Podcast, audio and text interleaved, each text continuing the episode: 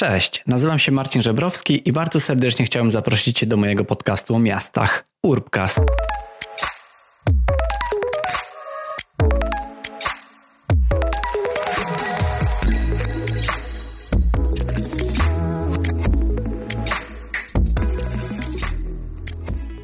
Cześć, witajcie w najnowszym odcinku Urbcastu. Dzisiaj po raz pierwszy zaprosiłem do niego gościa, który sam również realizuje swój własny podcast, co pewnie będziecie mogli doświadczyć w bardzo dobrej jakości dźwięku, e, który, który ta osoba również nagrała po swojej stronie. Kim ta osoba jest? Zaprosiłem do mojego podcastu Krzyśka Rzymana, czyli autora zielonego podcastu, ale także zielonego przedsiębiorcę, właściciela dwóch warszawskich kawiarni Store, a także studia podcastowego, a do tego dziennikarza ekonomicznego i członka Rady Krajowej Partii Zieloni. Więc oczywiście, jak zawsze, wszystko się zgadza. Jest to osoba, która robi bardzo dużo rzeczy i opowie nam o tym trochę więcej, o wszystkich tych swoich e, zajęciach. Ale takim motywem przewodnim naszej rozmowy będzie bycie less waste. I o tym też chciałem e, Krzyśka popytać, bo wiem, że w swoim zielonym podcaście realizuje tematy, które dotyczą zmian klimatycznych i tego, jakim, w jaki sposób możemy się przeciwstawiać i przeciwdziałać. I no, Krzysiek jest też właścicielem kawiarni, która jako pierwsza zrezygnowała z jednorazowych kubeczków do kawy.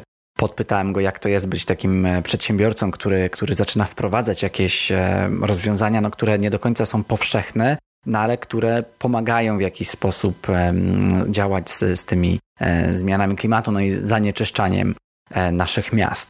Porozmawialiśmy też trochę o Warszawie, o tym, co się dzieje w Warszawie, no a potem już przeszliśmy do tego tematu bycia less waste w biznesie, w naszych miastach, no i także w takiego social nudgingu, czyli wpływania na, na ludzi, na konsumentów w taki sposób, aby wywrzeć na nich konkretne działanie.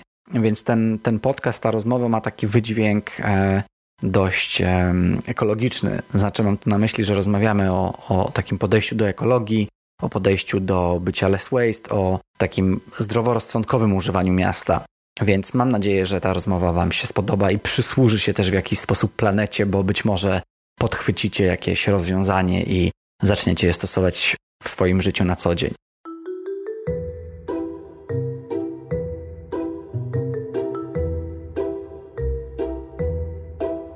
Krzysiek, e, dzięki wielkie, że zgodziłeś się wystąpić w, w, moim podcaście. E, to ja bardzo dziękuję. Słucham e, twojego podcastu od czasu do czasu, więc mi, jest mi bardzo miło wystąpić, zwłaszcza, że sam nagrywam też swój podcast. Bardzo rzadko bywam gdziekolwiek gościem i bywam zapraszany, więc to miłe po prostu. Dzięki. Też sam jesteś autorem podcastu, zielonego podcastu dokładnie, którego też, też, też, też słucham. Jesteś też przedsiębiorcą, właścicielem kawiarni Store dziennikarzem ekonomicznym, członkiem Rady Krajowej, Krajowej Partii Zieloni. Co, co jest ci w tym momencie najbliższe? Na co poświęcasz najwięcej czasu? A może jest jeszcze jakaś rzecz? I jest jeszcze studio podcastowe e, i, i zaczęliśmy produkować podcasty, ale staram się jakoś ten dzielić każdy tydzień czy każdy miesiąc na te różne e, aktywności. E, nie mam takiego równego podziału, że ileś godzin przeznaczam na kawiarnię, a ileś godzin na podcasty, a ileś godzin na partię. To się bardzo zmienia, zależnie od pory roku i sytuacji za oknem.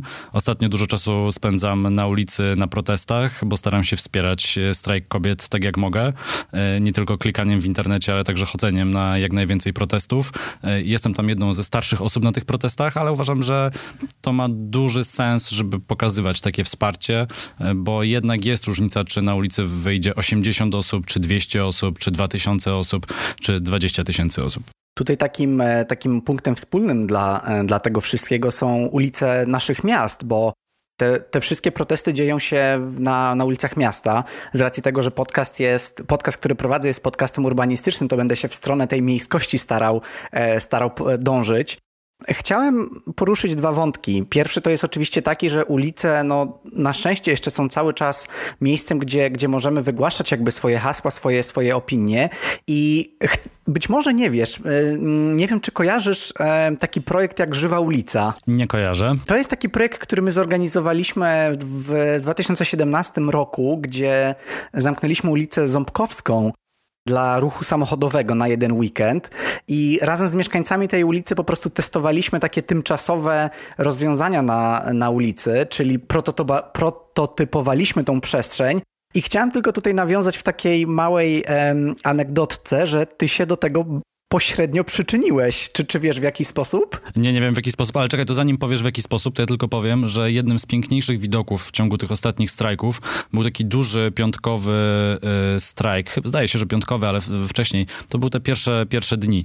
Y, gdy nagle okazuje się, że piesi mogą odzyskać miasto i chodzą sobie wygodnie po ulicach i nagle okazuje się, że jakoś to miasto może istnieć bez samochodów na trzypasmowych y, ulicach w samym centrum. To było naprawdę bardzo miłe i to nie było tylko moje spostrzeżenie, ale naprawdę dużo ludzi na to zwróciło uwagę, że kurczę, jak miasto mogło być fajne, gdyby miasto było stworzone dla pieszych, a nie dla samochodów. To jest gdzieś tam wspólny mianownik do tego też, o, o czym chcę powiedzieć, a, a twoja zasługa była w tym taka, że tak jak my właśnie też e, chcieliśmy oddać trochę tą przestrzeń ulicy dla mieszkańców wtedy w, podczas tej naszej żywej ulicy, to nasze pierwsze spotkanie, które odbyliśmy razem z em, kilkoma urzędnikami z, z Urzędu Miasta, odbyło się na tamce w kawiarni Store.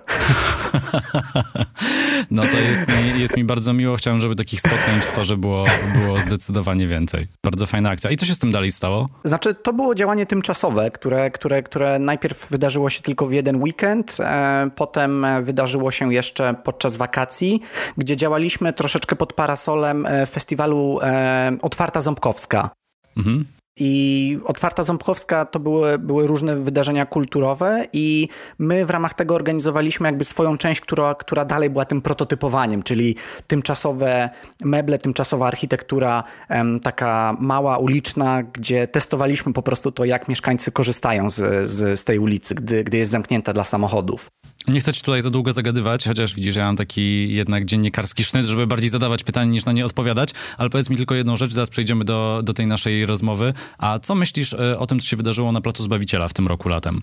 O tym zamknięciu jednego z pasów zewnętrznych e, tego placu i oddania go e, lokalom gastronomicznym i mieszkańcom? Mm, byłem tam, robiłem zdjęcia z czystej ciekawości i przyznam ci szczerze, że sama inicjatywa mi się podoba. Uważam, że jest to na tyle żywe miejsce, skupiające bardzo wielu ludzi e, e, o różnych porach dnia, że oddanie trochę więcej przestrzeni jeszcze tym ludziom jest, e, jest plusem. Natomiast są też dwa minusy, które, które teraz mi się nasuwają. Pierwszy to jest taki, że no było to zrobione w taki sposób dość surowy. Bardzo surowy. E, ponieważ postawiono te takie betonowe, duże bloki, które nie kojarzą się z zachęcającą miejską przestrzenią, taką, no mówiąc po angielsku, soft.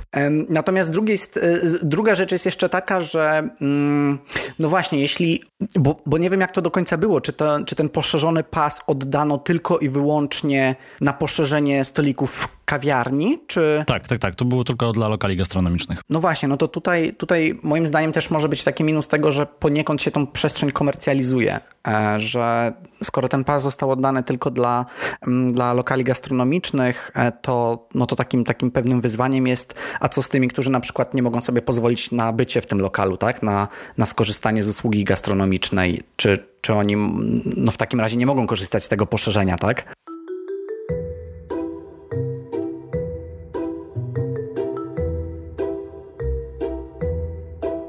A z takich ciekawostek w Warszawie to planowany jest dużo, bo, bo kawiarnie są dwie, store. E, jedna jest na Tamce, druga na Brackiej i tutaj obok nas na Brackiej, zresztą też obok miejsca, gdzie nagrywam, e, jest tak zwany Plac Pięciu Rogów. Dzisiaj patrząc na Plac Pięciu Rogów niewiele osób się może zorientować, że to jest w ogóle jakikolwiek plac, to jest po prostu ulica, e, ale w przyszłym roku ma się zamienić w plac. Podobno ta inwestycja nawet mimo problemów covidowych, jak wiadomo związanych z tym problemów budżetowych miasta, ta inwestycja ma zostać dokończona, e, jest zrealizowana, bo na razie się nie zaczęła, na razie jest tylko projekt i wybrany wykonawca. No i zobaczymy, jak się zmieni ta przestrzeń miejska. E, pisałem też chyba do zarządu dróg miejskich w tej sprawie, do jakiego, jaki obszar zostanie e, zmieniony, jakie są dalsze plany. No na razie ten obszar, który będzie remontowany, przebudowywany jest taki dość wąski, rzeczywiście sam tylko i wyłącznie plac. Za to wiele osób, które patrzą na ten projekt, no dziwi się dlaczego jest tak mało zieleni, a praktycznie tam nie ma zieleni w tym projekcie. Są tylko wielkie płyty, nie wiem, czy granitowe, czy, czy z jakiegoś innego materiału.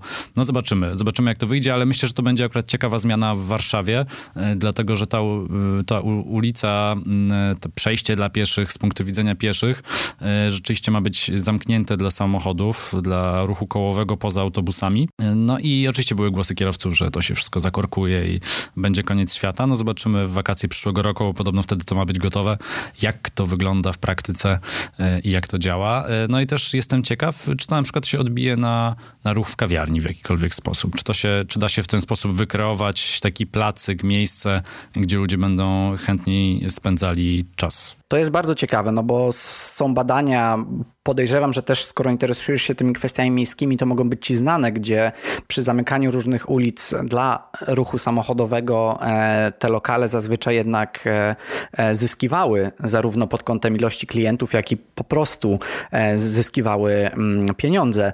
Natomiast co do Placu Pięciu Rogów, to on, on jest mi szczególnie bliski, dlatego że ja przez około dwa lata pracowałem tuż, tuż, tuż obok tego placu, na Brackiej właściwie po po, obu, po obu jej stronach, niedaleko twojej kawiarni również. I zawsze z takim żalem patrzyłem na to, że tam cały czas parkowały te samochody na tym, e, na tym miejscu, gdzie nie powinny, na tym nie, nie, niedozwolonym miejscu i że no, rzeczywiście te wszystkie mm, chmielna po prostu była poszatkowana w jakiś sposób i, i zawsze pamiętam, że dość, nie, w sensie nie czułem się bezpiecznie przechodząc z, jednego, z jednej części Chmielnej na drugą, bo zawsze, była, zawsze był ten moment, gdzie, gdzie tych samochodów jednak było dużo, więc e, mam nadzieję, że, e, że, że ten ruch się tam trochę uspokoi, no i rzeczywiście wytworzy się taki miejski plac w tym miejscu. Myślę, że to jest ważne. Ale jesteśmy bardzo zmotoryzowanym e, społeczeństwem, jeszcze tylko zamykając ten wątek, otwieraliśmy kawiarnię pierwszą na tamce, o mówię otwieraliśmy, wtedy otwierałem to ze wspólnikiem, z Michałem, sześć lat temu i bardzo dużo znajomych mówiło, że super,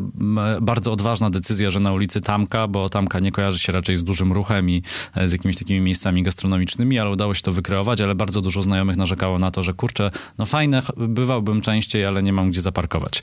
Że jednak okay, cały czas coś takiego okay. jest, ale też e, to się zmienia. Na pewno e, rowerzystów jest coraz więcej w Warszawie, ale gdy na przykład próbowaliśmy, to już było parę lat temu, poprosić miasto o postawienie jakiegoś stojaka rowerowego obok kawiarni, to oczywiście odpowiedź była, że nie nie, okay. nie ma miejsca, nie da się.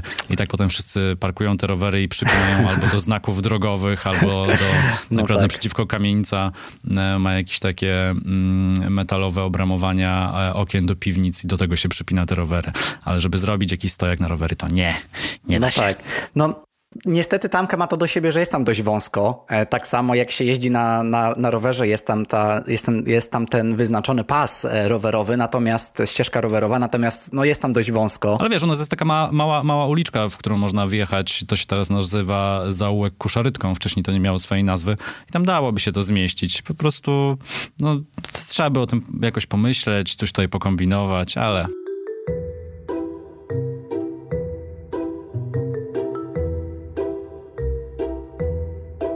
słuchaj, no ale trzeba, trzeba próbować, e, trzeba kształtować, że tak powiem, e, miasto i, i zmieniać je w dobry sposób i kształtować też tą świadomość. I ja tutaj chciałbym właśnie przejść e, do, do tego tematu rozmowy, bo Chciałem z Tobą porozmawiać o tym, co jest Ci dość bliskie, czyli o takim kształceniu świadomości też, też, też, też ludzi, no i także klientów, no bo jako przedsiębiorca i, i, i jako właściciel kawiarni, no działasz w duchu less waste. I, i, i, i o, tym, o tym chciałem też, e, też, te, też Tobą porozmawiać.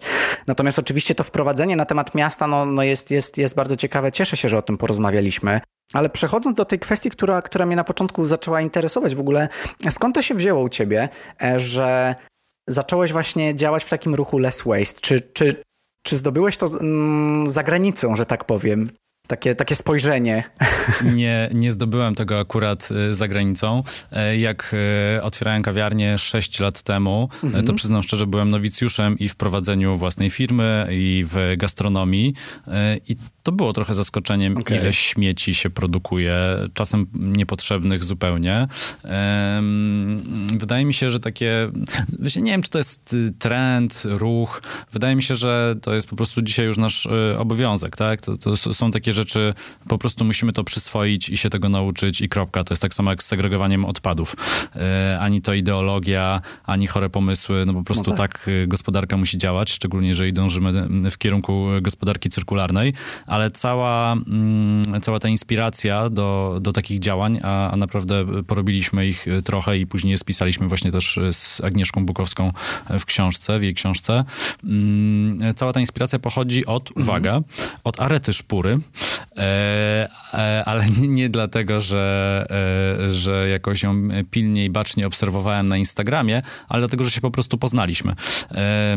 Wydawaliśmy wtedy taki przewodnik po kawiarniach speciality. Speciality to jest taki, no nazwijmy to trendem w kawiarniach, gdzie rzeczywiście stawia się na kawę jako super produkt i to jest jakby top of the top kawy na świecie.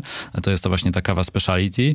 Nie będę wchodził w ten wątek może, bo nie starczy nam czasu w tej rozmowie. Też się staje ostatnio takim e, smakoszem kawy, zaczynam właśnie coraz więcej o niej czytać, więc to w ogóle e, dobry, dobry temat na jakiś osobny odcinek, bo też chętnie bym się dowiedział czegoś więcej na ten temat.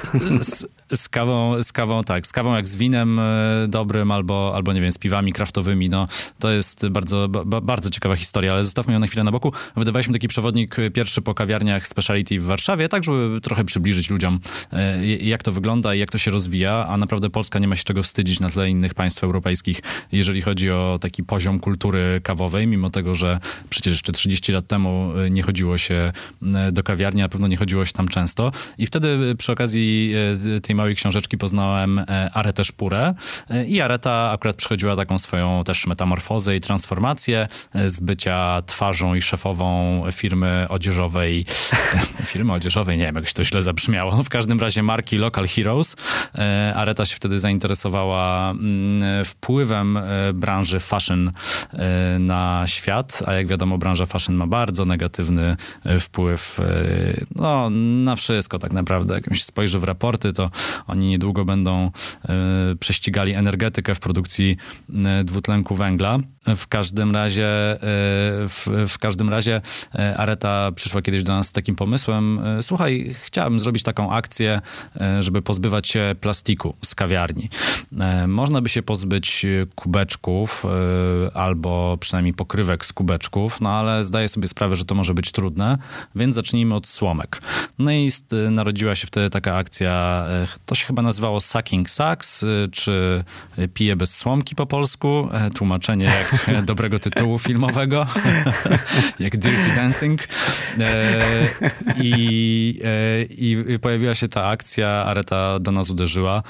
My pogadaliśmy sobie wtedy i mówimy e, wtedy z menedżerem kawiarni, mówimy Arecie, no super pomysł, bardzo fajny, chociaż akurat w kawiarni te plastikowe słomki e, to nie jest jakiś szczególnie duża masa, duża ilość. Jakby to będzie łatwe do wyeliminowania, możemy to szybko zrobić.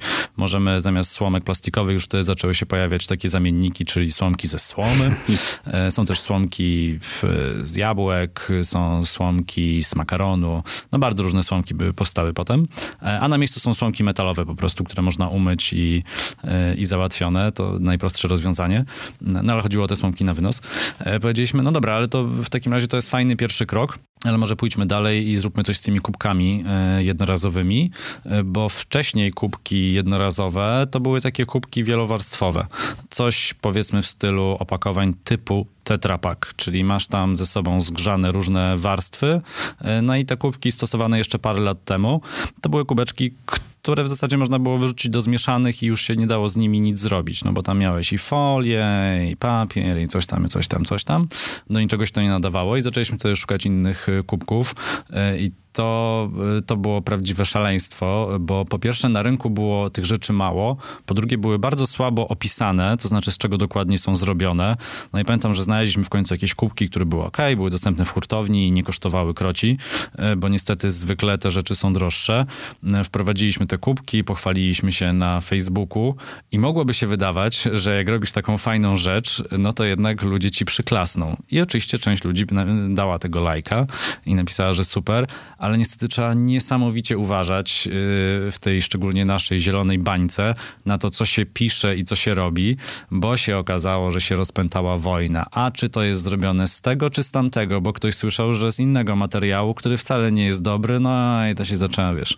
E, a wiedza na ten temat, y, przynajmniej taka powszechna, była jednak jeszcze te parę lat temu y, dość niewielka. Zresztą nie było jakoś strasznie dawno temu, to był 2017 rok, a wydaje się, że y, w świecie tym właśnie less waste to jakieś wieki temu zupełnie, szczególnie w Polsce. No i wtedy zaczęliśmy wchodzić głębiej w ten temat, potem zaczęliśmy rozkminiać, a co to znaczy, że coś jest biodegradowalne, a co znaczy, że coś jest kompostowalne, a czym jest PLA. No i tak e, od kroku jednego do drugiego e, ten temat zaczęliśmy zgłębiać. Areta wpadała do kawiarni i podsuwała nowe pomysły. E, pokazała nam na przykład kompostownik, ale nie taki kompostownik, w którym chodzą dżdżownice, tylko taki kompostownik, który też jest fajny swoją drogą, to tylko, że w gastronomii raczej by się, no, sanepid by na to krzywo patrzył, ale taki kompostownik, który wygląda jak trochę jak skrzyżowanie mm, dużego odświeżacza powietrza z pralką ładowaną od góry gdzie wrzucasz y, to, co nie zostało zjedzone przez twoich gości, czy na przykład fusy z kawy, oczywiście nie wszystkie, bo to by się zapchało, y, czy dolewasz tam mleko, które zostało z pienienia i, i nie zmieściło się w filiżance y, i w ciągu 24 godzin tam się tworzy taki prekompost. To jest cały czas podgrzewane i mieszane. Są tam kultury bakterii, które są w zestawie startowym, taki starter i no i sami zaczęliśmy robić kompost. No i to był taki kolejny kroczek do tej naszej małej zielonej rewolucji. E, no i robiliśmy, robiliśmy, robiliśmy. Mamy teraz rok 2020. E, nastała w marcu w Polsce pandemia. E, no i się okazało, że oczywiście wszystko się cofnęło jednak w tym temacie less waste bardzo. Co oczywiście nie oznacza, że, że, że nie można robić nic, bo nadal wiadomo, że jest różnica, czy weźmie się taki najtańszy kubek z hurtowni, właśnie ten wielowarstwowy, który nadaje się tylko do śmieci, czy kupisz trochę droższy kubek kompostowalny, który można później wyrzucić do śmieci bio. E, I okej, okay, nadal jest to kubek jednorazowy, no e, najlepiej byłoby po prostu napić się kawy w, w kawiarni albo zjeść obiad w restauracji, no ale wiemy, jakie mamy warunki, wiemy, że mamy taki gastronomiczny lockdown już kolejny e, i są takie rozwiązania pośrednie, które nie są takie złe. Jest zresztą też cały czas akcja z własnym kubkiem, gdzie możesz do kawiarni, naprawdę wydaje mi się, że nikt się z tego nie wycofał, możesz nadal do kawiarni przyjść i bezkontaktowo nalejemy ci tej kawy i e, stawiasz to w miejscu, które jest dezynfekowane, więc e, ryzyko e, przeniesienia wirusa jest praktycznie zerowe, więc to nadal działa i nadal można w tym duchu żyć. No i powiedziawszy to wszystko, jak myślałem sobie o naszej rozmowie, szedłem dzisiaj kupić sobie lunch do lokalu, który lubię. Działa tutaj obok na ulicy Kruczej. Zadzwoniłem wcześniej, bo to też jest ciekawe, takie, wiesz, różne wątki gastronomiczne ci tutaj powrzucam. E, to też jest ciekawe, e, że na przykład jak zamawiasz z platform typu Uber Eats albo Volt, no to restauracje od tego płacą tam od dwudziestu kilku do trzydziestu kilku procent prowizji. To jest zabójcze tak naprawdę dla tych biznesów. To znaczy, gdyby restauracje miały 40% marże, e, to myślę, że to byłby złoty interes i one by się tylko otwierały i pączkowały i istniałyby na każdym możliwym rogu. No, branża gastronomiczna nie pracuje na takich marżach, więc zapłacenie 30% prowizji to jest, to jest samobójstwo, tylko restauracje to robią, bo nie mają innego wyjścia dzisiaj, bo brakuje oczywiście rozwiązań systemowych, ale może do tego przyjdziemy w jakimś innym wątku, że po prostu brakuje w Polsce wielu rozwiązań systemowych. No ale poszedłem do tego mojego ulubionego miejsca, wcześniej zadzwoniłem, zamówiłem, przychodzę odebrać, biorę to opakowanie, no i tak patrzę, no i kurczę, zapakowane w tę torbę foliową, jednorazową zrywkę i mówię do tej dziewczyny, kurczę, wiesz co, pomyślcie może o torbach papierowych, no to już naprawdę, no już mamy 2020 rok, a ona odpowiada, no wiesz co, no jest to pandemia, już nikt nie ma pieniędzy, żeby inwestować w takie rzeczy, no ile by kosztowało to opakowanie w dostawie? 3 złote? Mówię, no a teraz ile kosztuje? Ona mówi 2 złote. Myślę sobie, kurczę, 2 złote za taką foliówkę, no ale w środku to opakowanie na jedzenie e, wydawało mi się wtedy w rękach takie dość cieniutkie myślę sobie, no pewnie właśnie takie kompostowalne albo biodegradowalne, no to przynajmniej tyle robią. No już trudno, no ta foliówka możesz ewentualnie wykorzystać jako worek na śmieci, no skoro już coś takiego dają. No i biorę to jedzenie, otwieram sobie później, a to było zapakowane w ten najbardziej chamski styropian, z którym się już nic nie da zrobić. Ten, w ten styropian, który jest zakazany w Nowym Jorku, ale w Polsce po prostu to leci jak złoto. Ten styropian w hurtowni nie wiem ile kosztuje takie jedno opakowanie, ale nie wiem, 20 groszy, 30. Ta zry, zrywka foliówka pewnie 5, a razem from jako zestaw 2 zł w restauracji i narzekanie, że no to takie drogie wszystko. No i myślisz sobie, no nie, to jest naprawdę dużo, dużo, dużo pracy do zrobienia. Ja tutaj mogę się odnieść, ponieważ um, i, i trochę też z drugiej strony barykady, trochę się mogę skonfrontować też z tobą, dlatego że ja w ogóle przez wakacje pracowałem właśnie w Wolcie, tutaj w, w, w Kopenhadze i dowoziłem e, to jedzenie jeżdżąc właśnie w, w firmie Volt i powiem ci, że była jedna akcja właśnie w, w Kopenhadze, gdzie jedna restauracja po, z, powiedziała jakby, że no, ten biznes nie jest dla nich jakkolwiek korzystny, ponieważ właśnie e, ta firma pobiera od nich e, no, sporą dość część no tego, tego, tego, co produkują, tak? No muszą im za to zapłacić. No ale z drugiej strony, podczas pandemii, to wydaje mi się, że taka firma kurierska, taka, gdzie można dowozić to jedzenie, też pozwoliła tym lokalom w jakiś sposób przetrwać, tak? Bo, no bo lokale jednak nie mogły serwować tego jedzenia w lokalach, mogły serwować na wynos. No i dzięki temu, że było to możliwe, żeby je, te, to jedzenie w jakiś sposób przetransportować, no to to jedzenie trafiało do ludzi, no i dzięki temu te restauracje też jakoś ten naj, najcięższy okres, mam, mam nadzieję, i mam wrażenie też, prze, przetrwały. Także no tutaj wydaje mi się, że no to jest wszystko bardzo skomplikowane. E, Marcin, to jest skomplikowane, ale ten temat, ale ten temat, ale ten temat ja mam naprawdę dobrze przerobiony. Mieliśmy też spotkanie, bo interweniowaliśmy w tej sprawie jako Partia Zieloni. E, nie ukrywam, że pod moim oczywiście wpływem, bo po prostu mnie to irytuje. Nie robię tego we własnym interesie, bo kawa to nie jest coś, co się zamawia w Uberze czy Wolcie. To jest jakiś tam drobny procent sprzedaży, ale jak patrzę na moich kolegów, koleżanki, które prowadzą swoje restauracje, e, to naprawdę mnie to irytuje, że te prowizje są tak wysokie. Interweniowaliśmy w tej sprawie i akurat Volt się do nas odezwał, nomen omen, który podobno, tak słyszałem, e, najlepiej traktuje swoich e, pracowników, swoich kurierów. Zresztą moi znajomi też pracują jako kurierzy Volta, więc znam to z, z, z dwóch stron. Ja nie mam nic przeciwko temu, że ktoś sobie stawia tego typu biznes, tylko nie podoba mi się to, że jak ty zamawiasz e, w tej aplikacji jedzenie, to widzisz, że cena za dostawę to jest na przykład 8 zł. Kiedy faktycznie ta dostawa kosztuje na przykład 12, 13 czy 15 zł, bo ona po prostu trwa, a mamy stawki godzinowe w Polsce, no to jakby się wszystko musi na koniec dnia zgadzać. Ci kurierzy też nie zarabiają na tym 8 zł. A jeszcze pamiętajmy, że istnieje też takie jak podatki, e, które 8 e, to cena brutto dostawy, od tego trzeba odjąć VAT i podatek dochodowy w, w płacy tego e, kuriera. No i ten, no i ten Volt nam tłumaczył, no tak, no bo wiecie, my, my tak naprawdę te restauracje płacą wysokie prowizje, bo w tej wysokiej prowizji jest ukryta częściowo ta opłata za dostawę. No i wiesz, gdyby to było wszystko transparentne i gdybyśmy sobie to ładnie podzielili i powiedzieli ludziom, no słuchaj, zamawiasz z restauracji i ta dostawa kosztuje 14 zł, a nie 8, to okej. Okay. Tylko, że wtedy ta prowizja mogła być niższa dla restauracji. A tak żyjemy w takim trochę małym, małym, małym zakłamaniu. Ale wydaje mi się, że to jest też trochę kwestia naszej akurat mentalności. E, też w Polsce jest tak, że mm, my lubimy jak cena, jak coś jest ukryte w cenie. To jest tak samo z podatkiem VAT. Większość, większości osób się wydaje, że nie płaci podatków tak na co dzień, no bo tam podatek to od pensji i tyle. No przecież wszystko jest opodatkowane w Polsce.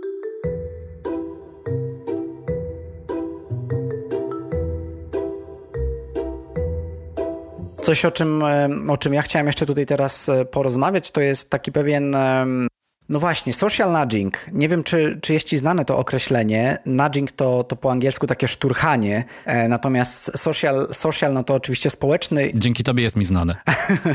Okej. Okay. I jeśli chodzi o ten social nudging, no to jest temat, który, który mi się bardzo podoba, ponieważ to jest w pewien sposób takie zmuszanie ludzi do, do zachowywania się w konkretny sposób. I takim podstawowym przykładem social nudgingu może być na przykład to, że teraz mamy e, w różnych, nie wiem, na klatkach schodowych, w, w, jakichś, e, w jakichś budynkach użytkowania publicznego, czy na przykład na, na ulicach nawet, mamy przedzieloną ulicę taśmą na pół tak? Jest naklejona taśma i są, i są też narysowane czy przyklejone strzałki, które każą nam iść po prawej lub po lewej stronie e, schodów czy, czy tej ulicy. No i to jest taki klasyczny przykład tego social nudgingu, czyli w pewien sposób wymuszanie pewnych zachowań. Ja właśnie chciałem też porozmawiać w kontekście tego właśnie wymuszania bycia bardziej przyjaznym środowisku. I chciałem też jeszcze wrócić trochę do, tej, do tego tematu, kiedy kiedy zrezygnowaliście w, waszej kawiarni z używania mm, tych kubków i mówiłeś, że reakcje były, róż, były różne, ale no, w jakiś sposób wydaje mi się, że to był właśnie przykład takiego social nudgingu, gdzie wymusiliście po prostu przychodzenie z własnym kubkiem i pytanie, czy to zadziałało i czy myślisz, że takie zachowanie, takie właśnie wymuszanie pewnych zachowań jest w stanie przyczynić się do realnych zmian. Tutaj w kontekście właśnie przechodzenia na bycie bardziej przyjaznym środowisku i less waste. E, to tutaj muszę zrobić mały wstęp do tego, co powiedziałeś. E, przede wszystkim jesteśmy bardzo fajną kawiarnią w bardzo fajnym mieście. Czy jesteśmy kawiarnią w śródmieściu Warszawy? Nie oszukujmy się, e, to jest najbardziej progresywne miejsce na mapie Polski, czy tej części Europy w ogóle, więc my naprawdę trafiamy do ludzi, którzy myślą bardzo podobnie. Więc tu muszę zrobić taki mały wstęp, bo wiem, że dużo trudniej byłoby wprowadzić taką zmianę zmianę w Raciborzu, e, a pewnie e, nawet e, w Katowicach mogło być wcale nie tak łatwo. W Katowicach, z których pochodzę i które oczywiście kocham. To tak, jak otwieraliśmy drugą kawiarnię na Brackiej, to było półtora roku temu, zastanawialiśmy się, co możemy zrobić takiego bardziej w kierunku less waste jeszcze niż to, co zrobiliśmy do tej pory. No i poszliśmy dwoma ścieżkami. Pierwsza, wcale nie taka trudna, chociaż wiadomo, że to się odbija trochę na przychodach e, kawiarni. Zrezygnowaliśmy z kanapki z mięsem.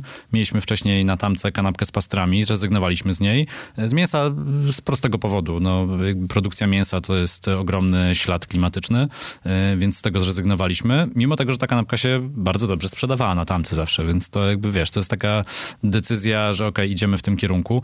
Na rezygnację z mleka krowiego się nie zdecydowaliśmy i wydaje mi się, że żadna kawiarnia w Polsce się na taki krok jeszcze nie nie zdecydowała, ale wydaje mi się, że to jest kwestia, kwestia pewnie, nie wiem, trzech, może pięciu lat, gdy, gdy pojawią się wegańskie kawiarnie. Jak na razie kawiarnie są takie bardziej o profilu wegetariańsko-wegańskim niż, niż stricte wegańskim. No a druga rzecz, to zastanawialiśmy się, co możemy zrobić z tymi opakowaniami jednorazowymi.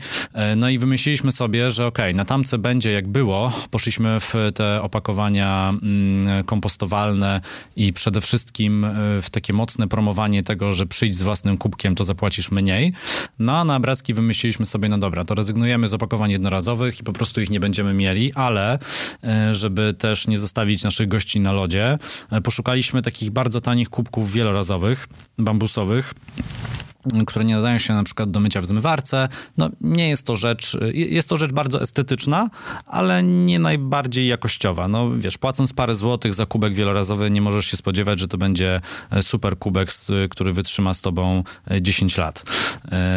No i zaoferowaliśmy go w bardzo niskiej cenie, e, trochę do tego dopłacając, ale też nie dużo, żeby zobaczyć, czy rzeczywiście da się namówić naszych gości do tego, żeby przychodzili z własnym kubkiem.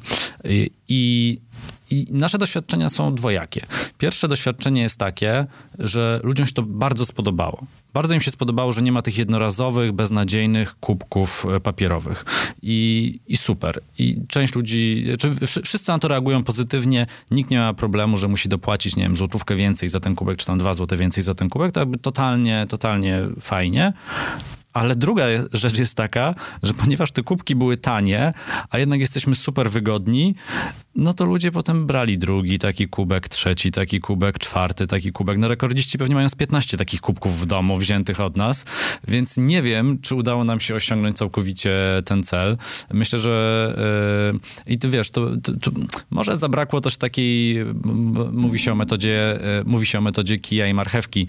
Yy, mo, może, może zabrakło jakiegoś kija, no bo marchewką jest to, że zawsze płacisz mniej za tę kawę, przychodząc z własnym kubkiem. To zresztą jest świetna akcja Polskiego Stowarzyszenia Zero Waste e, z własnym kubkiem. Jest mapa w internecie, można sobie to sprawdzić, gdzie te zniżki można dostać.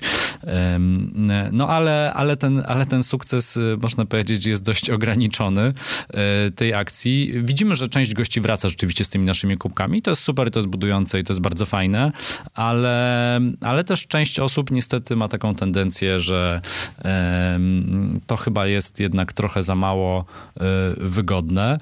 I myślę, że to też było fajne, że potraktowaliśmy sobie tę bracką jako taki pole do, do, do testowania jakichś tam nowych rozwiązań, bo wiemy, że byśmy tego na tamce na przykład jeszcze nie zrobili, bo jednak tam jest ruch trochę większy i po prostu produkowalibyśmy masę z kolei kubków wielorazowych, które by zalegały u kogoś w szafkach. I wydaje mi się, że tutaj jest to miejsce i wrócę do e, słów, które wypowiedziałem parę minut wcześniej, czyli rozwiązanie systemowe.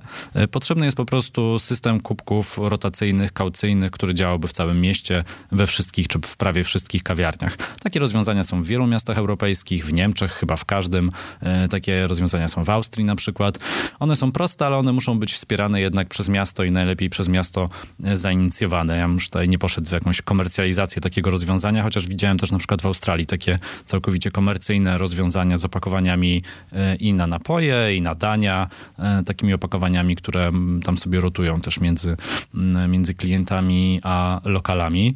E, no i na fali tych swoich przemyśleń napisałem taki wniosek do budżetu partycypacyjnego Warszawy w tym roku i złożyłem taki, taki wniosek, pomysł w tym budżecie, żeby coś takiego zrealizować. E, nie mówię, że siedziałem nad tym miesiącami, no raczej zrobiłem to y, w, w, dwa tygodnie, ale posiłkowałem się liczbami akurat y, z Wiednia. Tam było pisane, ile taki system kosztuje i, i jak on może działać. No i opisałem to wszystko, oczywiście dostałem, e, znaczy pomijam, że nastała pandemia, tak, więc nastawienie do pewnie naczyń e, rotujących, wielorazowych pewnie jest aktualnie trochę gorsze, mimo że nie ma na to akurat żadnych badań, e, no ale wiadomo, no tak po prostu działa działamy w Polsce bardzo często metodą finger in the air, czyli co nam się wydaje, to, to nam się wydaje i tak będzie. Czyli jeżeli komuś się wydaje, że na przykład gastronomia przenosi koronawirusa, to się ją po prostu zamyka. Nie patrzy się, czy są badania, czy, czy nie ma takich badań. Po prostu komuś się tak wydaje, więc tak jest. No i pewnie takie samo podejście jest aktualnie do less waste i do, do, do opakowań zwrotnych, że one pewnie niebezpieczne, więc lepiej tego nie róbmy, ale nie taka była podstawa odrzucenia tego wniosku. Podstawa była taka, że projekt jest wieloletni e, i nie wiadomo, ile lokali się do niego przyłączy. E, plus pobierana, i to było, to było dla mnie już najbardziej kuriozalne, plus pobierana będzie opłata za ten kubek, opłata i było napisane nawet w nawiasie kaucja. Kaucja to, jak wiadomo, zwrotna opłata. No a wszystkie projekty w budżecie partycypacyjnym nie mogą, znaczy żaden z projektów nie może e, pobierać, e, znaczy nie, nie mogą być w ramach żadnego projektu pobierane opłaty od uczestników, tak? Znaczy, nie wiem, no jakby no stawiasz ławkę na przykład w ramach budżetu partycypacyjnego, to nikt nie może płacić za siedzenie na tej ławce. Tak samo tutaj też za kimś, kto odrzucił ten wniosek, szła ta mocna idea, że nie można pobierać opłat, więc trzeba by stworzyć, jak widać w Warszawie, system kaucyjny bez kaucji i wtedy wtedy by się to urzędnikom miasta spodobało. Znaczy sobie trochę ironizuję. Rozumiem, że może akurat y, to nie trzeba robić przez budżet partycypacyjny, ale bardzo bym chciał, żeby jednak ktoś y, ten pomysł w ratuszu podchwycił, bo to wcale nie musi być takie trudne i skoro udało się w Warszawie wprowadzić, to było jedno z pierwszych miast rowery miejskie, jedno z pierwszych miast w Polsce oczywiście, e, to być może taki system kaucyjny też by się udało wprowadzić, bo na pewno od strony lokali, bo to badaliśmy, e, zainteresowanie jest bardzo duże. Tylko po prostu ktoś musi to zrobić, tak? To znaczy ktoś musi zrobić, e, kupić te kubki, zrobić tę infrastrukturę, wprowadzić jakiś model i pewnie trochę go podpromować, a potem to już pójdzie samo z siebie. Na pewno Warszawa jest na to gotowa. Jeśli chodzi o ten system kaucyjny, no to też oczywiście przydałby się taki do mm, plastikowych butelek, prawda? Bo to jest też coś, co obserwuję tutaj e, w Danii, e, a dokładnie w Kopenhadze, gdzie no, te butelki czy, czy puszki no, po prostu się po ulicach nie, wala, nie walają, bo nie opłaca się ludziom, żeby one się walały, skoro można na nich w jakiś sposób zarobić. Jeśli e, jesteś osobą, która na przykład potrzebuje w jakiś sposób środków, no są, są różne osoby też bezdomne na ulicach Kopenhagi, które czasem widzę, no to one w jakiś sposób, nie wiem jak to wygląda dokładnie w liczbach, ale widzę osoby, które zbierają często latem w parkach po prostu te puszki, podchodzą do różnych osób, które siedzą z piwem i pytają się, czy ta puszka jest wolna.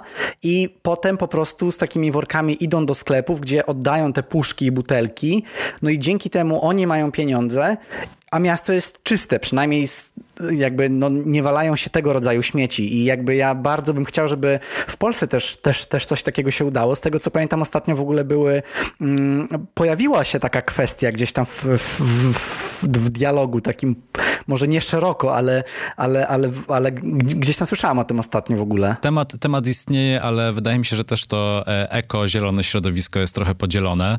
Pamiętam, jak w Warszawie się pojawił taki recyklomat, chyba na Placu Bankowym był pierwszy i to była akcja, wydaje mi się, że sponsorowana przez Coca-Colę, że mogłeś przynieść butelki, oddać i jak zeskanowałeś odpowiednią liczbę kodów kreskowych, chyba nieważne nawet z jakich opakowań, po prostu identyfikujących, że to jest butelka, e, to dostawałeś, e, nie wiem, bilet do kina albo coś, coś, coś, coś podobnego. To jest pewnie fajne, pewnie jest to taki element grywalizacji, wszystkie te rzeczy związane z grywalizacją są, są miłe. Ostatnio widziałem, to, to nie żadna reklama, ale Żabka teraz wprowadziła taką akcję, że możesz przynieść y, puste butelki, chyba tam do 10 maksymalnie za, za każdym razem y, i oddajesz je przy kasie, czy tam do jakiegoś specjalnego opakowania i są naliczane ci jakieś punkty w ich aplikacji, które potem możesz wymienić na coś tam, coś tam. Więc to też taki element grywalizacji y, fajny i nagradzania.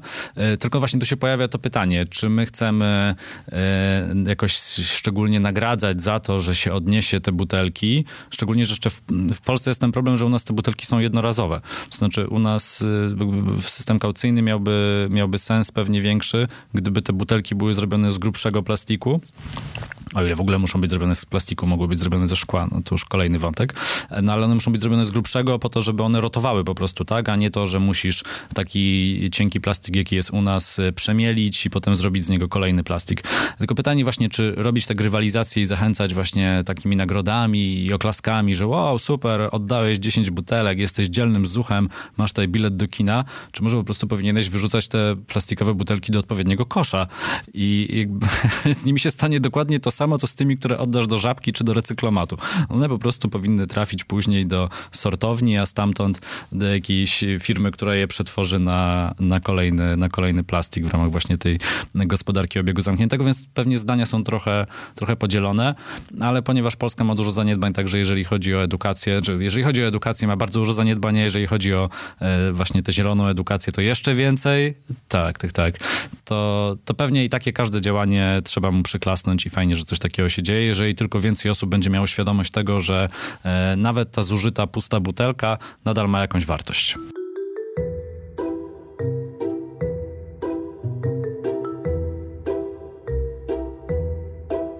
Ja też poruszyłem ten temat, dlatego w ogóle też wcześniej to pytanie, które zadałem, które, które zadałem w kontekście tego social nudgingu, ja zadaję to dlatego, dlatego też o tym wspominam, bo uważam, że jest to bardzo skuteczne narzędzie powiedzmy, że narzędzie, które po prostu pozwala na wprowadzenie pewnych zmian, bo ja już od kilku lat mieszkam w Skandynawii i tak jak wcześniej w ogóle butelki nie kojarzyły mi się jako pewien surowiec, nie kojarzyły mi się z czymś, na czym można może nie zarobić, ale przynajmniej odzyskać część pieniędzy, to tak jak zacząłem bywać na jakichś różnych imprezach w Szwecji czy potem w Danii, no to, że tak powiem, e, opłacało się czasem zorganizować imprezę w swoim domu, chociażby dla tych butelek i dla tych puszek, które, które zostawały. I pamiętam, że czasem e, były takie sytuacje, że ludzie przychodzili na imprezę ze swoimi piwami i pilnowali puszek, które jakby po, po, wypiciu piwa chowali puszki do swojego plecaka czy do torby i z tymi puszkami opuszczali tą imprezę.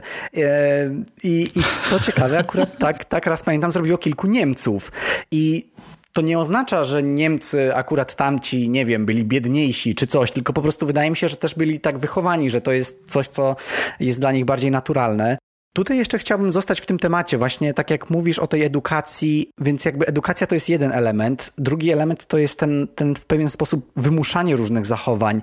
I, i pytanie, czy, czy, czy ty właśnie też w, w, w, kawiarni, czy, czy też jakby może za pomocą w ogóle swojego podcastu, czy też używasz jakichś innych metod czy dróg do tego, aby edukować na temat tego zielonego podejścia, na temat tego życia less waste? E, e, oczywiście, że tak. Jeszcze tylko kończąc twój wątek właśnie a propos tego szturchania, tego nudgingu. To, to jest zawsze trudne, jeżeli masz tę pozycję przedsiębiorcy, No bo jednak nie możesz nigdy przeholować z tym szturchaniem, tak? To znaczy, to nadal ma być miłe i przyjemne w odbiorze dla twojego gościa, klienta, a on nie ma się poczuć źle w związku z tym, co robi. Więc raczej pozytywny przekaz, raczej yy, zniżka za to, że przy, przyjdziesz z własnym kubkiem i naprawdę takie bardzo, bardzo jasny, fajny komunikat, podbudowany jakąś tam wiedzą, yy, jakimiś tam liczbami, że słuchajcie, a tyle i tyle tam plastiku rocznie i, i to jest złe, niż takie, wiesz, tam wzbudzanie negatywnych, y, negatywnych emocji, jakiegoś strachu czy, czy czegoś takiego. Y, co do edukacji, y, no tak, jeżeli chodzi o kawiarnię, to staraliśmy się to bardzo mocno, no w pandemii to trochę osłabło niestety, muszę, muszę przyznać, bo co innego ma dzisiaj priorytety, też to trzeba dopasowywać trochę do momentu. Staraliśmy się mocno w social mediach po prostu komunikować to, co robimy i też pokazywać od zaplecza, co robimy, tak? Że na przykład namawiamy naszych dostawców do tego, żeby rezygnowali z niepotrzebnych opakowań jednorazowych w dostawie. Najfajniejszy przykład to jest to, co udało nam się zrobić z dwoma warszawskimi palarniami, z Good Coffee i z Coffee Labem, e, bo od nich bierzemy najwięcej kawy co miesiąc, e, czyli kawę do, do, do, do pod espresso, tak to nazwijmy ogólnie, e, i kawę mm, pod tak zwany szybki przelew, czyli, czyli po angielsku to batch brew. I ponieważ tej kawy rzeczywiście bierzemy od nich dużo i kawa do kawiarni przyjeżdża zwykle w opakowaniach kilogramowych, które są jednorazowe, to ich tam trochę pomęczyliśmy i przymusiliśmy i po prostu się dogadaliśmy, bo mamy dobre partnerskie relacje, e, do tego, żeby zainwestowali w opakowania wielorazowe, które rotują między nami. E, czyli tak jak e, możesz przyjść z tym kubkiem wielorazowym po, po kawę, tak ta kawa w ziarnach do nas przyjeżdża w opakowaniach, oczywiście przystosowanych do przewożenia żywności e, do nas i te opakowania sobie później wracają do palarni i z powrotem i w te i we w te i to jest super rozwiązanie. E, kawa przez to nie stała się dla nas na przykład tańsza. To bardziej chodzi o filozofię, tak? Albo, albo chcesz coś zmienić i chcesz to robić i to robisz, no właśnie, albo nie. Więc to było takie, to była fajna rzecz, którą też komunikowaliśmy. No i potem dużo takich y, y, drobnych rzeczy, które gdzieś tam w social mediach staraliśmy się e, pokazywać. Nie wiem, ile osób to zainteresowało, ale ogólnie odbiór tych zielonych treści wydaje mi się, że był bardzo, bardzo pozytywny. No już z kolei w podcaście, zielonym podcaście, no to wiadomo, że od czasu do czasu po prostu wrzucam taki wątek i sobie na ten temat rozmawiamy, czy to na temat niemarnowania żywności. Jako kawiarnia od dawna współpracujemy z food sharingiem, a od niedawna niedawna e, także z taką aplikacją Too Good To Go, e, znaczy z jednymi i z drugimi cały czas. To nie tak, że food sharing poszedł w odstawkę, po prostu jakoś staraliśmy się to podzielić. E, więc i ten temat się pojawił w podcaście i temat Less Waste się pojawił i Less Waste w trakcie pandemii. No dużo, dużo takich rzeczy staram się przerabiać, po prostu mnie to też interesuje i interesuje mnie to, co się dzieje. Z takich kawowych, moich branżowych tematów, temacików, no to jest bardzo ciekawy startup. Też rozmawiałem z twórcami tego startupu, on się nazywa Ecobin. No, przez te trudności wszystkie pandemiczne i inne, on cały czas nie może jeszcze złapać impetu nabrać impetu, e, ale oni zbierają fusy z kawy, e, z kawiarni i później przerabiają go na coś tam kolejnego. Czyli okazuje się, że to, co jedni traktują jako odpad, dla innych może być materiałem do dalszej produkcji.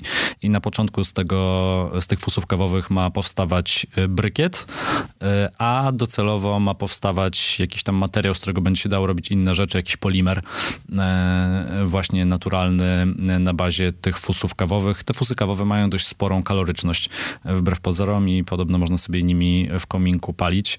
Okay. Nie próbowałem, zresztą palenie w kominku, no też już nie przesadzajmy, mamy 2020 no tak. rok, odchodzi się od tego. E, z ciekawych jeszcze rzeczy to jest e, też taki mały startupik, e, który chyba się nazywa Fussy, z tego co pamiętam. Mieliśmy rozmowę, ale Znów ta rozmowa była miesiąc temu, a później nastąpił lockdown i gdzieś to wszystko się e, zawiesiło. Bardzo fajna ekipa, trzy osoby, które postanowiły z fusów robić peeling e, do twarzy i peeling do ust. E, I oni odbierają też te fusy kawowe i później mieszają tam z jakimiś super specjalnymi, naturalnymi ingrediencjami i robią z tego bardzo fajną rzecz, którą potem można sprzedawać w kawiarni gościom już właśnie jako produkt kosmetyczny. Czyli te fusy, które gdzieś tam zostają, bo fusów naprawdę jest, jest mnóstwo. Można też je naturalnie, jeżeli ktoś akurat ma w okolicy jakieś, nie wiem, uprawę pomidorów, to, to świetnie się do tego nadają fusy z kawy. Ja właśnie ostatnio wydaje mi się, że widziałem na jakiejś stronie takiej z różnymi rzeczami ekologicznymi właśnie kubek e, do kawy z, zrobione z fusów. Także, także zaskoczyło mnie to. Tak, są, ja kojarzę dwa takie startupy. Jeden niemiecki Cafe Form. E, on zdaje się robi faktycznie z fusów kawowych, a drugi australijski e, Husky, e, który robi kubki do kawy z z tego haskus, czyli z tej takiej jakby łupiny kawowej, więc, więc wszystko naprawdę można wykorzystać i, i to jest fajny materiał, ale potem przeglądałem sobie nawet z nudów chyba AliExpress, czy tam Alibabę, czyli tą hurtową wersję AliExpress i tam takich kopii tego już jest bardzo dużo, więc poczekajmy pół roku i okaże się, że wszyscy już to mają i wszyscy to korzystają. No tak, pytanie ile z tych kubków rzeczywiście będzie zrobionych z fusów, a ile będzie, że, że tak powiem, tylko marketingowym e, produktem? I i tutaj chciałem właśnie do tego przejść teraz, bo ja na przykład cenię, Krzysiek, twoje działania i, i twój podcast, którego słucham za to, że no w jakiś sposób edukujesz na temat tego podejścia less waste do, do różnych spraw w, w życiu, do różnych tematów. Mm, I, i też, też myśląc nad tą naszą rozmową, ja chciałem się ciebie zapytać i tutaj nie oczekuję od ciebie jakiejś takiej, no wiesz, e, konkretnej odpowiedzi, natomiast chciałbym z tobą porozmawiać trochę mm, o greenwashingu, bo też wspomniałem o tym kubku. I jak sprawić, żeby ktoś, kto kupi sobie taki kubek, tak, e, czy przyjdzie do, do twojej kawiarni i zamiast kubka tego plastikowego czy papierowego kupi ten kubek wielorazowy, no i wtedy oczywiście poczuje się być może lepiej, że, że jakoś dba o to środowisko, no ale na przykład potem po lockdownie poleci sobie, no nie wiem, do Hiszpanii, do Grecji czy, czy gdzie indziej samolotem, no ale na, na lotnisku weźmie sobie, naleje tej kawy do tego wielorazowego kubka i będzie zadowolony, że dba o środowisko. no nie do końca, prawda? Także chciałem się ciebie zapytać, jak w ogóle do tego podchodzisz? Jaki masz stosunek do tego greenwashingu? Czy uważasz, że jest to zagrożenie? E, to tak, e, jeszcze tylko tutaj też małe dla porządku. Zielony podcast nie jest tylko o less waste. Zielony podcast jest w ogóle o katastrofie klimatycznej i o tym, co nas czeka i jak z tym walczyć i jak technologie mogą nam pomóc w walce ze zmianami e, klimatu. No, z jednej strony chciałoby się powiedzieć, że trzeba mieć takie holistyczne podejście, że trzeba zmieniać wszystko w swoim życiu, że nie wystarczy, że masz ten wielorazowy kubek i zakręcasz wodę w kranie, jak myjesz zęby i segregujesz segregujesz odpady, to ci jeszcze nie czyni tym najbardziej zielonym w całej kamienicy czy, czy w całym bloku, że te wakacje też mają znaczenie, ale z drugiej strony, y, mimo tego, że jestem w Radzie Krajowej Partii Zieloni, y, nie chciałbym też, żeby, żeby to było e, e, obserwowane jako takie podejście ortodoksyjne. E, to znaczy, ograniczaj te loty. Nie lataj po Europie, ogranicz liczbę wakacji, ale jeżeli naprawdę chcesz gdzieś polecieć na wakacje, no to trudno, no to poleć. Wybierz najbardziej zielone linie, jako są, jakie są. Możesz razem z biletem opłacić swój ślad klimatyczny, jakaś fundacja o to zadba, oby to była sprawdzona fundacja, no ale skoro współpracuje z, z liniami lotniczymi, to pewnie będzie będzie sprawdzona. Jakby szukajmy tych rozwiązań najbardziej eko, no ale też pamiętajmy, że jakoś musimy żyć, tak? Znaczy samo życie na Ziemi pewnie nie jest eko, znaczy na pewno nie jest eko e, i pewnie tej planecie e, nie pomaga. Po prostu starajmy się tam, gdzie możemy e, działać rozsądnie i to też wydaje mi się, że w, w, w temacie less waste jest najlepsze podejście akurat w trakcie pandemii. Znaczy, gdy pojawiły się na samym początku te jednorazowe maseczki, jeszcze nie wiedzieliśmy, czy to jest duże niebezpieczeństwo, czy małe. Pojawiły się te rękawice foliowe e, i rozmawiałem na ten temat e, z Agatą Szczotką Sarną, która pracuje w takiej firmie Interseroch. Oni się zajmują e, właśnie zielonymi rozwiązaniami w, w temacie odpadów dla firm. I, Agata, która też prowadzi swojego bloga Sarni Życie, mówiła mi, no słuchaj Krzysiek, robimy co możemy. Nadal możesz pójść na zakupy ze swoją torbą wielorazową, nadal możesz pójść z tym kubkiem, ale może dzisiaj się akurat boisz, no to nie kubka wielorazowego, weź tę kawę w kubku y, jednorazowym, no ale jakoś musimy teraz żyć, tak? Szczególnie gdyby to był ten moment akurat marzec, kwiecień, gdy musieliśmy się przystosować do całkowicie nowej sytuacji, no ale nadal możesz te rękawice czy maseczkę wyrzucić do kosza na śmieci, a był przecież taki moment, że przed y, znanymi y, hipermarketami czy tam marketami z, z robaczkiem w logo, nagle się te, wiesz, te rękawice po prostu walały, to, cały trawnik był usłany tymi rękawicami, więc jakby znajdźmy, znajdźmy jakiś złoty środek za każdym razem, tak? To znaczy, no, jakoś musimy żyć i no, no trudno, no, nie, nie jesteśmy, nie, na, nasze istnienie na Ziemi nie jest dobre, e, po prostu starajmy się e, emitować jak najmniej i myślmy o tym nie tylko e, w kontekście kubka wielorazowego, że on załatwia całą sprawę i już jesteśmy rozgrzeszeni. Nie, to jest, to jest dużo bardziej, to jest dużo głębsze, ale z tym greenwashingiem to jest trudny temat, bo wydaje mi się, że z jednej strony media nam trochę pomagają, bo jest już trochę portali, które, dla których ta tematyka zielona jest naprawdę ważna i które zwracają na to uwagę i wyśmiewają. Z drugiej strony internet, social media też nam w tym trochę pomagają. No ale z trzeciej strony no, można trochę ogłupieć, tak? Pamiętam taką akcję e, firmy Coca-Cola, e, która promowała właśnie recycling butelek i w ramach tej akcji promującej e, recycling wysłała chyba do influencerów i dziennikarzy puste butelki Coca-Coli, to znaczy po prostu puste pety, te plastikowe, przezroczyste opakowania, żeby zakomunikować tę akcję i że te butelki można gdzieś tam wyrzucić, czy coś z nimi zrobić. Aha. No było to już najbardziej kuriozalna rzecz, żeby specjalnie pakować w pudełko puste opakowanie, w którym nigdy nie było napoju, e, czyli trzeba było wyprodukować ten plastik, zapakować, wysłać, a przecież wiadomo, że te przesyłki kurierskie no tak. to też jest ślad klimatyczny, no tak. żeby zakomunikować coś takiego. No to chyba lampka nam się od razu zapala. Czy tak jak w przypadku na przykład teraz duży temat w polskiej energetyce, Polska Grupa Energetyczna ogłasza swoją zieloną strategię i mówi, że a my już za parę lat nie będziemy mieli żadnych aktywów, państw, żadnych aktywów węglowych. No i ktoś mógłby powiedzieć, wow, super, co za szybka transformacja. Ta transformacja zostanie osiągnięta tak, że te wszystkie aktywa węglowe, czyli wszystkie te elektrownie, elektrociepłownie węglowe wypycha się na zewnątrz z tej spółki PGE i one się, i oddaje się państwu. I mówi się, to teraz się Skarb Państwa już o to zatroszczy. No, no nie, no Ale to my chyba, nie mamy. To chyba, właśnie, my nie mamy. My nie mamy i nasz kurs na giełdzie pójdzie w górę, bo nagle stajemy się zieloną spółką energetyczną. No, wydaje mi się, że no, Zdaję sobie sprawę, że to jest bardzo, bardzo, bardzo, bardzo trudne. I też za każdym razem, gdy widzę jakieś takie nowe rozwiązanie, no nie wiem, choćby w branży gastronomicznej, czy, czy, czy, czy w jakiejkolwiek branży, tak, że ktoś się chwali, że o, tutaj zrobiliśmy nasze nowe opakowanie, e, jest zrobione z kompostowalnego materiału i tak sobie patrzysz na to i może za każdym razem popatrz na to i pomyśl, a czy w ogóle jest sens kupować jakąś rzecz w jednorazowym opakowaniu. Może w ogóle jest nie tędy droga i powinniśmy szukać e, opakowań wielorazowych e, i zdecydowanie większych niż jakieś takie małe saszeteczki, małe opakowanka. No najlepsze opakowanie to jest takie, którego nie wyprodukowano. I, i te zasady gdzieś trzeba mieć z tyłu głowy, ale wydaje mi się, że kierowanie się takim mniejszym złem zawsze jest dobre.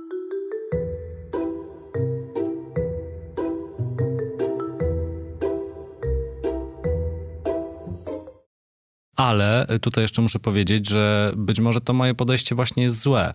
Może ktoś powinien wyjść na ulicę i powiedzieć, kurwa, ta planeta płonie, przestańcie żreć to mięso. Tak? I może dopiero to komuś otworzy oczy, a nie takie delikatne podejście, że tutaj usuniemy mięsko, wiesz, z kawiarni i tutaj coś zrobimy. Może jest już zdecydowanie za późno na takie miłe gadanie i na delikatne kroki. No ja mam taką naturę i tak robię. E, trudno, trudno to zmienić, ale na pewno gdyby ktoś wyszedł wyszedł wrzeszczeć na ulicę, to na pewno bym poszedł i, i mu kibicował i wrzeszczał razem, e, razem z nim. Wydaje mi się, że też y, niestety musimy bardzo mocno przełamywać pewne tematy, szczególnie w Polsce. No jakoś tak się dzieje, że w Polsce temat kryzysu klimatycznego się po prostu nie przyjął. No, no jakoś tak się stało. No po prostu no, jesteśmy takim narodem, widać, no na całym świecie katastrofa klimatyczna, w Polsce nie. No kurde, no może już jest za późno na takie delikatne gadanie. No na delikatne gadanie był czas pewnie 20 20-30 lat temu, a dzisiaj po prostu trzeba się wziąć do roboty i trzeba o tym zdecydowanie głośniej krzyczeć. No bardzo żałuję, że nie mam takiej natury. Niech to będzie wiadomość e, dla, e, dla, dla słuchaczy, którzy słuchają nas i, i, i ja też zachęcam was do słuchania właśnie e, twojego podcastu, do, do Zielonego Podcastu, e, gdzie poruszasz te kwestie. Natomiast kończąc chciałbym cię jeszcze zapytać, bo tak wybrzmiało to na koniec, że, że jest wiele rzeczy do zmiany i, i, i, i tak naprawdę nie jest aż tak dobrze. Nie oszukujmy się, że tutaj e, skończymy tą rozmowę i, i wiesz, i, i, i wszystko będzie super, bo ja jakby chcę, żeby, żeby to wybrzmiało, więc jeśli słuchacie tego podcastu, to też, też e, zachęcamy Was do tego, żebyście zastanowili się nad tym, jak, jak podchodzicie do tych kwestii na co dzień, tak? Do takich małych rzeczy. Mm, nie wiem, czy chciałbyś jeszcze jakoś e, spuentować. Wydaje mi się, że e, to jeszcze e, wracając trzeci raz i po raz ostatni e, do tego zdania, do tych paru słów, które wypowiedziałem, potrzebne są nam w Polsce rozwiązania systemowe.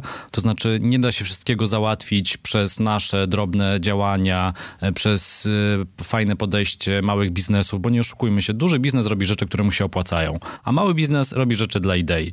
I, i tak po prostu było, jest i będzie. I nawet spoko, że te duże firmy, te duże korporacje robią rzeczy dla hajsu i robią te, do, znaczy to, że akurat robią dla hajsu, to nie. Źle powiedziałem, jeszcze raz, cofamy. Dobrze, że duży biznes i korporacje e, robią te fajne rzeczy, mimo tego, że robią to tylko dla hajsu, no bo jednak ta zmiana następuje, tak? No ale e, to jest zdecydowanie za mało i naprawdę są nam potrzebne rozwiązania systemowe w bardzo, bardzo wielu kwestiach i choćby opakowania zwrotne, o których rozmawialiśmy, to jest coś, co musi zostać uregulowane systemowo. I tak jak została w Polsce spartaczona kwestia e, segregacji odpadów i kolejna któraś tam enta zmiana systemu w kolejnych miastach, jak taki biedny mieszkaniec miasta ma się odnaleźć w tym, że co 6 miesięcy czy co 18 miesięcy inaczej są ustawione i podpisane kosze na śmieci. No przecież to oszaleć można, przecież my się nie zajmujemy na co dzień segregacją odpadów. My byśmy chcieli mieć prosty system, że wiemy co gdzie wrzucamy. A tu co chwilę zmiana i zmiana tych frakcji. A potem na koniec oczywiście przyjeżdża ta jedna śmieciarka, co najbardziej irytuje oczywiście ludzi, że e, nawet nie wiadomo, czy tam są te e, różne e, pojemniki w tej śmieciarce wielkiej, czy po prostu się wwala do jednego i później to jedzie do sortowni nie już wszystko jedno. E, ale, ale wydaje mi się, że rozwiązania systemowe to po pierwsze są potrzebne, w Polsce jest potrzebna zmiana, zmiana polityczna w Polsce jest potrzebna i e, oczywiście zieloni będą e, jej częścią, musiałem to powiedzieć, bo naprawdę w to wierzę i naprawdę wierzę, że ta zielona fala także w polskiej polityce nadejdzie, ale druga rzecz to te nasze małe baby steps, o których mówi Areta wspomniana, Areta Szpura, te nasze kroki nasze małe wybory konsumenckie, one też mają znaczenie. To, że my przestajemy jeść mięso, y, okej, okay, może jest nas dzisiaj kilka procent w Polsce, wegetarian i wegan, ale naprawdę branża, branża mięsna to w końcu odczuje i w końcu mimo tych horrendalnych dotacji, które dostają z Unii Europejskiej, z jakichś różnych tam programów polityki rolnej, e, programów wspierania różnych branż mięsnych, oni w końcu to czują, no już po prostu nie będą mieli komu sprzedać tego mięsa i ta produkcja w końcu e, spadnie. Więc nasze małe decyzje codzienne mają znaczenie. To, że nie kupujemy wody z plastiku, w plastiku, tylko sobie filtrujemy wodę w domu, tak, to ma znaczenie. To, że bierzemy swój kubek wielorazowy, to też ma znaczenie. Czy to, jak na przykład, jak już musimy lecieć na te wakacje, to którą linię wybierzemy, ta, która ma mniejszą emisję na jednego pasażera, czy ta, która ma wyższą emisję. Tak w rozrachunku ogólnie, w długim, e, w długim rachunku to ma znaczenie, więc warto to robić. Czyli na koniec mamy jednak pewien, pewien promyczek nadziei, że jeśli sumujemy te wszystkie nasze poszczególne pojedyncze decyzje, to mamy szansę na to, aby wpłynąć na to, e, jak funkcjonują te pewne systemy i mechanizmy w, w, naszym, w naszych miastach. I chciałbym tym zakończyć i przejść jeszcze tylko do pytania, mm, które już zadaję tutaj na koniec. Już stricte Ciebie chciałem personalnie zapytać, czy e, mógłbyś polecić jakąś książkę słuchaczom? E, mogę polecić książkę. Przede wszystkim polecam książkę, którą wydała Agnieszka Bukowska, Les Waste Polska. E, bardzo fajna rzecz Szczególnie wydaje mi się, że dla branży gastronomicznej, ale też dla osób, które się po prostu tematem interesują i chcą żyć bardziej w stylu e, less waste. Tam jest dużo bardzo fajnych e, porad i praktycznych rozwiązań. Tam naprawdę grono autorów bardzo szerokie e, i bardzo przyjemne. Natomiast takich książek, którą ja ostatnio czytam i sprawia mi to dużą przyjemność. Nie wiem, czy kojarzysz taki podcast Outrage and Optimism. On jest poświęcony katastrofie klimatycznej, więc bardzo przyjemny temat właśnie. E, autorzy tego podcastu wydali taką, to, to, to bardzo ci polecam, e, wydali taką książkę The Future We Choose. E, można sobie to kupić na, na jakiś tam czytnik. Książka jest po angielsku, napisana przez dwóch autorów, także autorów tego podcastu, przez Toma Rivet Karnaka i przez Christiane Figueres. Christiana Figueres to jest współautorka czy współtwórczyni sukcesu porozumienia paryskiego, czyli w zasadzie, jeżeli chodzi o walkę z globalnym ociepleniem, ociepleniem, z katastrofą klimatyczną. To jest naprawdę wielka postać. Warto sobie do tej książki zajrzeć. Bardzo ciekawe spojrzenie na to, co się dzieje i co się może wydarzyć i właśnie jaki na to mamy wpływ. No ale z międzynarodowej polityki to akurat przynajmniej jest jedna dobra wiadomość, wydaje się, tego roku, a mianowicie Joe Biden, czyli o 180 zwrot w Stanach Zjednoczonych. To mi się skojarzyło z tym porozumieniem paryskim, bo e, Donald Trump rok temu wypowiedział to porozumienie paryskie, a Joe Biden już e, e, jeszcze przed wyborami, ale jeszcze w trakcie liczenia głosów napisał, że spokojnie, 77 dni i do porozumienia paryskiego Stany Zjednoczone wracają. Czyli może jakaś nadzieja dla tej planety jest. To tak optymistycznie na koniec. To dobrze, że jednak kończymy optymistycznie. Staram się zawsze jako optymista znaleźć te, te nawet małe, małe mm, optymistyczne rzeczy. Mm, I powiedz jeszcze mi i słuchaczom, gdzie można cię śledzić, gdzie można szukać twoich działań w internecie, gdzie można wstąpić do ciebie na kawę? Eee, w internecie pewnie najwięcej, e, takie są czasy, najwięcej wrzucam na e, Instagram i na Insta Stories. E, to jest moje ulubione narzędzie komunikacji ostatnio, bo jest po prostu bardzo szybkie i bardzo wygodne, więc jak ktoś sobie wpisze Krzysiek Grzyman, to mnie z łatwością znajdzie. Mam też taką stronkę na Facebooku, ale wiadomo jak to jest z tym Facebookiem. Jego algorytmy tak działają, że nawet jakbym tam wrzucał codziennie jakieś posty, to zobaczy je 20 osób, więc...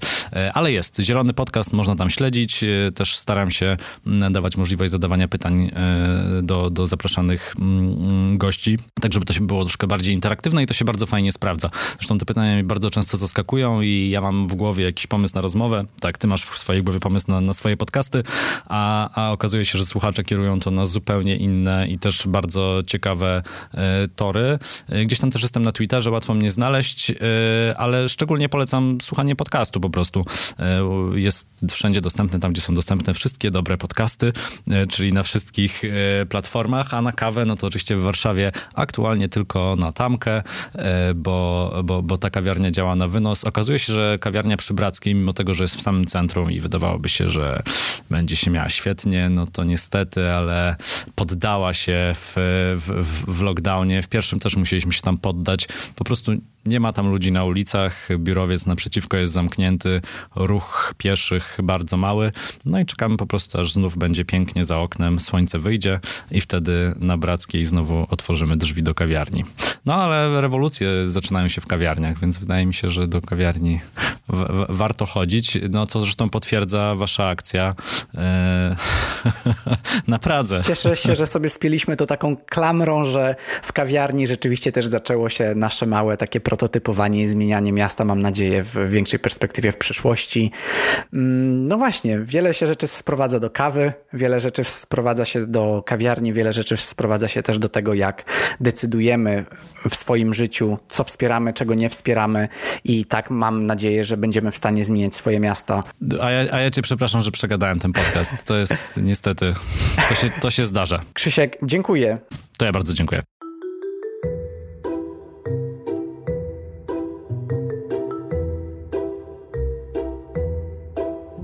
Dzięki wielkie za wysłuchanie najnowszego odcinka podcastu z Krzyśkiem. Mm, zdaję sobie sprawę, że tych wątków było wiele, bo rozmawialiśmy i o Warszawie, i o kawiarni, i o byciu less waste, i o zmianach klimatycznych, i o tym, jak systemowo i oddolnie zmieniać em, tak naprawdę naszą, nasze miasta, no i gdzieś tam w efekcie też naszą planetę. Mam nadzieję, że wybrzmiało to, że obu nam zależy na tym, aby zmieniać te nasze miasta na, na lepsze pod kątem ekologicznym, no i żeby też edukować e, mieszkańców miast na temat tych zmian. Także mam nadzieję, że odcinek spełnił swój cel, a my usłyszymy się już niebawem. Także dzięki i do usłyszenia.